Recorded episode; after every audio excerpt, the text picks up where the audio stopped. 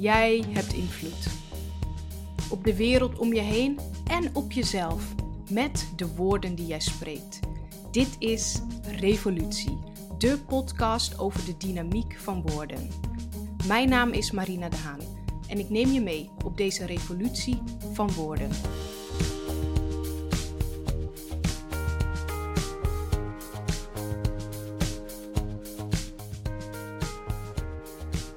Gelukkig nieuwjaar allemaal. Happy New Year. Het liefst zou ik nu dat liedje van ABBA voor jullie zingen. Maar zingen is niet helemaal mijn talent. Dus uh, ik hou het gewoon bij deze woorden. Welkom in dit nieuwe jaar. Welkom in 2021. En echt te gek. Tof dat je luistert naar dit tweede seizoen van Revolutie. De podcast met invloed. Wat een jaar was het vorig jaar. Ik weet niet hoe het voor jou was. Er is al heel veel over het coronajaar gezegd in de dagbladen, op televisie, op sociale media. En ik wil er ook nog iets over zeggen. Het was namelijk geen eenvoudig jaar voor mij. Ik heb veel meegemaakt, uh, maar ook heel veel geleerd. En het was een jaar waarin wij allemaal flexibel moesten zijn. Uh, we moesten ons constant aanpassen. We hadden natuurlijk de bekende coronapersconferenties, waarna er vaak beperkingen ja, werden opgelegd eigenlijk aan ons. En het was een jaar vol strijd tegen dat coronavirus, COVID-19. En bij die strijd kwam ook een groot stuk lijden en verlies en rouw. En wat ik ook heb gemerkt is dat corona vorig jaar veel heeft blootgelegd in onze levens. De scheidslijnen bijvoorbeeld tussen arm en rijk werden vreselijk goed zichtbaar. Maar ook de lijnen tussen zwart en wit en het systematische racisme, dat echt niet alleen in Amerika plaatsvindt, maar ook hier in Nederland. Ook dat werd zichtbaar. Een andere lijn die ik opmerkte was de lijn tussen de verschillende kerken in Nederland. De ene kerk sloot haar deuren en was daarmee solidair naar de Nederlandse samenleving. Andere kerken bleven bewust open omdat ze geestelijke voeding wilden bieden. Maar al die negativiteit heeft ook een keerzijde. Als journalist voor een regionaal dagblad interviewde ik bijvoorbeeld uitvaartorganisaties, vrij recent nog, en ik hoorde dat uitvaarten voorgoed zijn veranderd. Noodgedwongen door al die beperkingen en maatregelen moesten de uitvaarten kleiner worden, met vaak maar maximaal 30 mensen. En al leverde dat soms aan het begin wat weerstand op, mensen moesten zich aanpassen. Het leverde ook hele warme, intieme en zelfs spontane momenten op. Mensen die spontaan iets over de overledene vertelden. Weet je, daar is anders geen ruimte voor, omdat je een strak schema hebt en vaste sprekers. Dus het leverde ook iets moois op. En ik sprak ook met ondernemers die juist in deze crisistijd kansen zagen en mogelijkheden zagen en die ook met beide handen aanpakten, die er zin in hadden om te ondernemen, ondanks alles. Ik sprak met muzici die normaal in concertzalen spelen of optreden, klassiek geschoold zijn, en zij kozen ervoor om zich te laten omscholen. Een, een violiste bijvoorbeeld die zich liet omscholen om uh, docent Nederlands te worden. Hoe te gek is dat?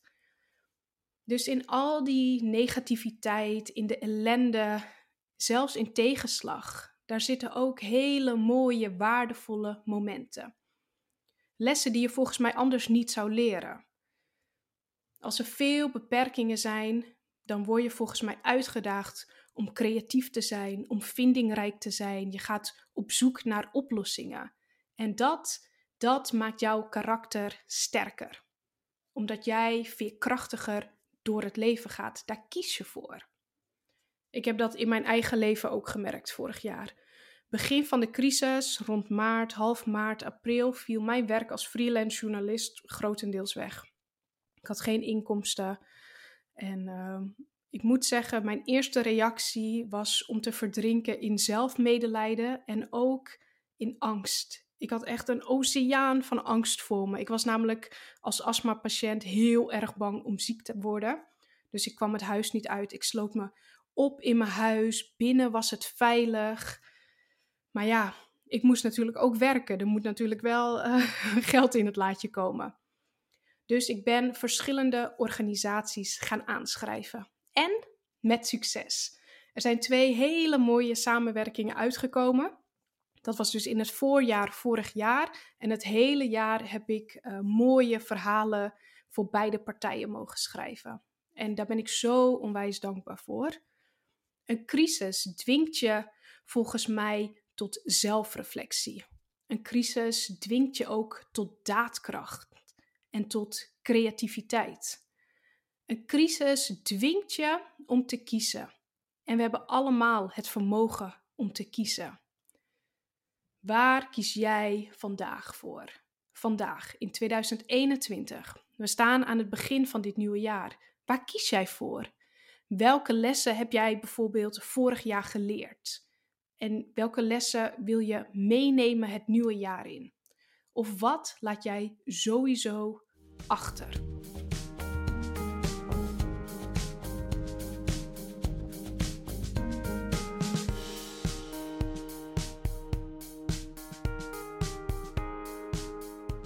Als ik heel eerlijk ben, op oudjaarsdag was alles voor mij te veel. Echt alles was te veel. Sowieso word ik eind van het jaar vrij sentimenteel. Ik denk na over alles wat ik heb meegemaakt, maar ook wat ik had willen meemaken. En ik moet zeggen, ik bleef wat langer en misschien net iets te lang in die wat had ik willen meemaken hangen. Ik bleef hangen in teleurstelling. In voor mijn gevoel een persoonlijk falen. Met als gevolg dat ik op oudjaarsdag uh, grotendeels van de dag huilend op de bank zat. Ik bleef maar denken: ik heb gefaald. Kan ik nou helemaal niets? Ik ben niet leuk genoeg. Ik heb geen toekomst. Die woorden die herhaalden zich maar in mijn denken. Woorden die pijn deden en eigenlijk als ik ze nu zo hardop tegen jullie vertel, dan doen ze nog steeds pijn. Die woorden bleven zich dus maar herhalen. En ik was ervan overtuigd dat ik het hele jaar gefaald had. Dat ik niets had bereikt, dat ik niet was gegroeid, dat ik niets waard ben. Als nieuwjaarscadeau kocht ik voor mezelf het boek Het Geschenk. Misschien heb je het al gelezen of heb je ervan gehoord. Het is een boek van Edith Eger. En haar eerste boek, De Keuze, was ook al fantastisch. Echt een aanrader om beide boeken te lezen. In haar eerste boek schrijft ze over Auschwitz, hoe ze met haar gezin gevangen werd genomen en hoe ze samen met haar zusje het concentratiekamp overleefde. Hoe zwaar dat was, wat ze dacht, wat ze meemaakte. Maar iedere dag zei ze tegen zichzelf: Als ik vandaag overleef, ben ik morgen vrij. Haar moeder zei namelijk tegen haar toen zij als vee in de veewagens werden geduwd op weg naar Auschwitz. Haar moeder zei: Niemand kan je je gedachten afpakken. En dat is waar Edith aan vasthield. Iedere dag weer dat zij in Auschwitz de hel op aarde was, dacht zij: Als ik vandaag overleef, dan ben ik morgen vrij. Niemand kon op oudjaarsdag mijn gedachten afpakken. Alleen ikzelf. Alleen ikzelf kon die negatieve gedachten stoppen. Ik stond dus voor een keuze. Laat ik deze gedachten mij beïnvloeden of stop ik te geloven in deze leugens? Het bracht me terug naar een hele kleine Marina. Ik heb namelijk altijd geworsteld met negatieve gedachten. Ik vond nooit dat ik iets, iets of iemand waard was. En ik wissel van ziekenhuis en daarom moest ik mijn medisch dossier opvragen voor het nieuwe ziekenhuis.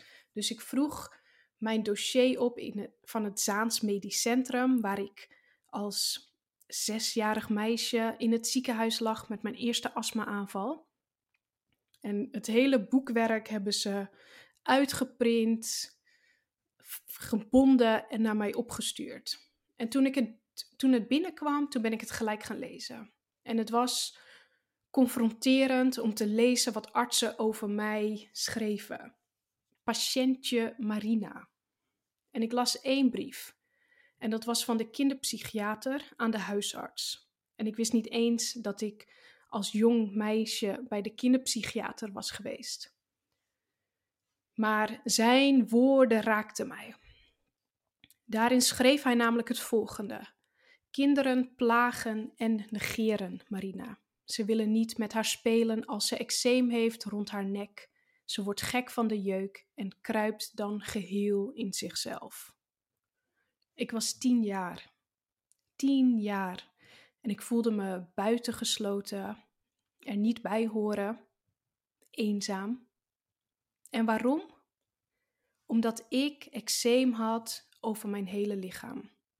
Ik werd geplaagd en buitengesloten en genegeerd om iets waar ik zelf niets aan kon veranderen. Ik was echt iedere dag aan het overleven. Mijn huid jeukte als een malle. Als jij wel eens jeuk hebt gehad, dan weet je dat het ondraaglijk is.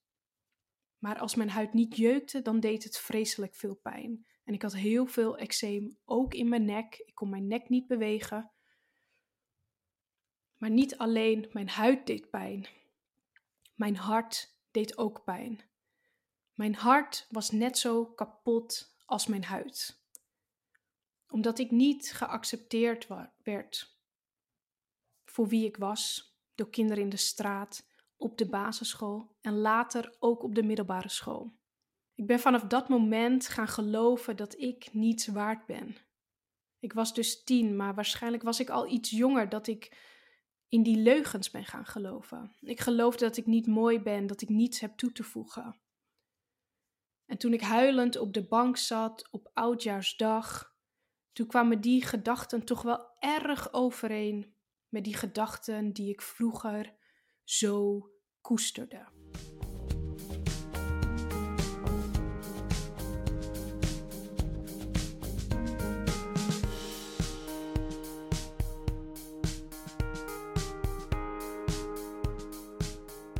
In de psychologie heb je het begrip cognitieve gedragstherapie.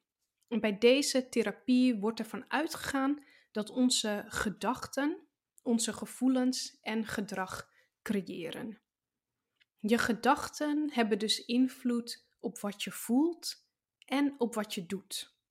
Wil jij schadelijk of negatief gedrag in jouw leven veranderen, dan moet je dus je denken veranderen. Je mindset moet je veranderen. Wat denk jij over jezelf? Is dat positief? Is het misschien negatief? Bouwt het jou op of breekt het je af? Is het motiverend of demotiverend? Misschien is jouw denken wel schadelijk voor jou als persoon. Maar weet je, vandaag kan een dag van verandering zijn. Als je wilt tenminste. Want echte verandering kan alleen plaatsvinden als je daar zelf mee instemt. Als jij er klaar voor bent.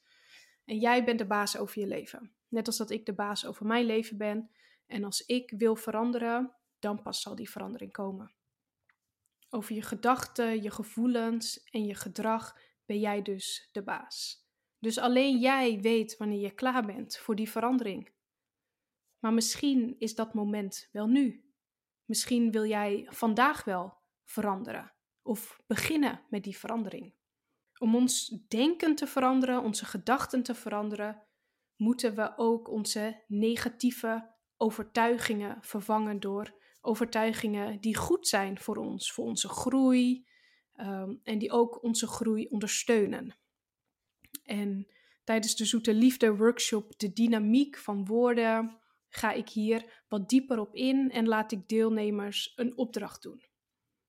En die opdracht zou jij vandaag ook kunnen doen. Dus als je straks pen en papier pakt, dan loop ik de opdracht even met je door. Ik vraag deelnemers altijd om aan de linkerzijde van het papier al, alle, alle gedachten die je over jezelf hebt op te schrijven.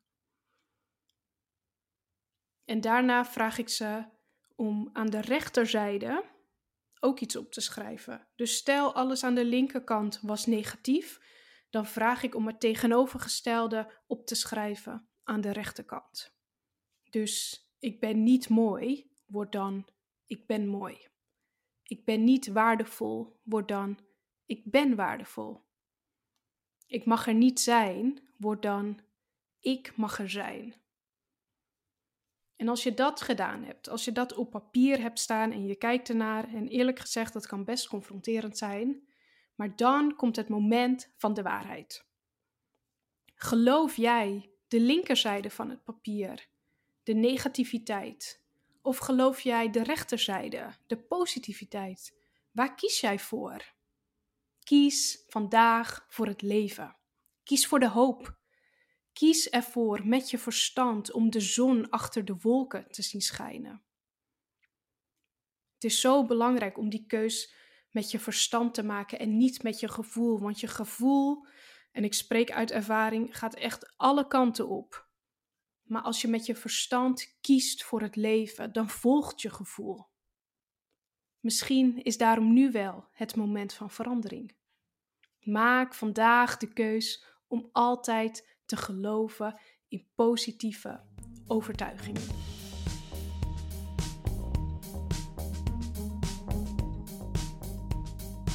Dit was Revolutie, powered by Zoete Liefde. Leuk dat je luisterde. Blijf op de hoogte door Zoete Liefde te volgen op sociale media.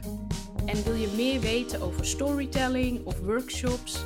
Ga dan naar onze website zoeteliefde.com.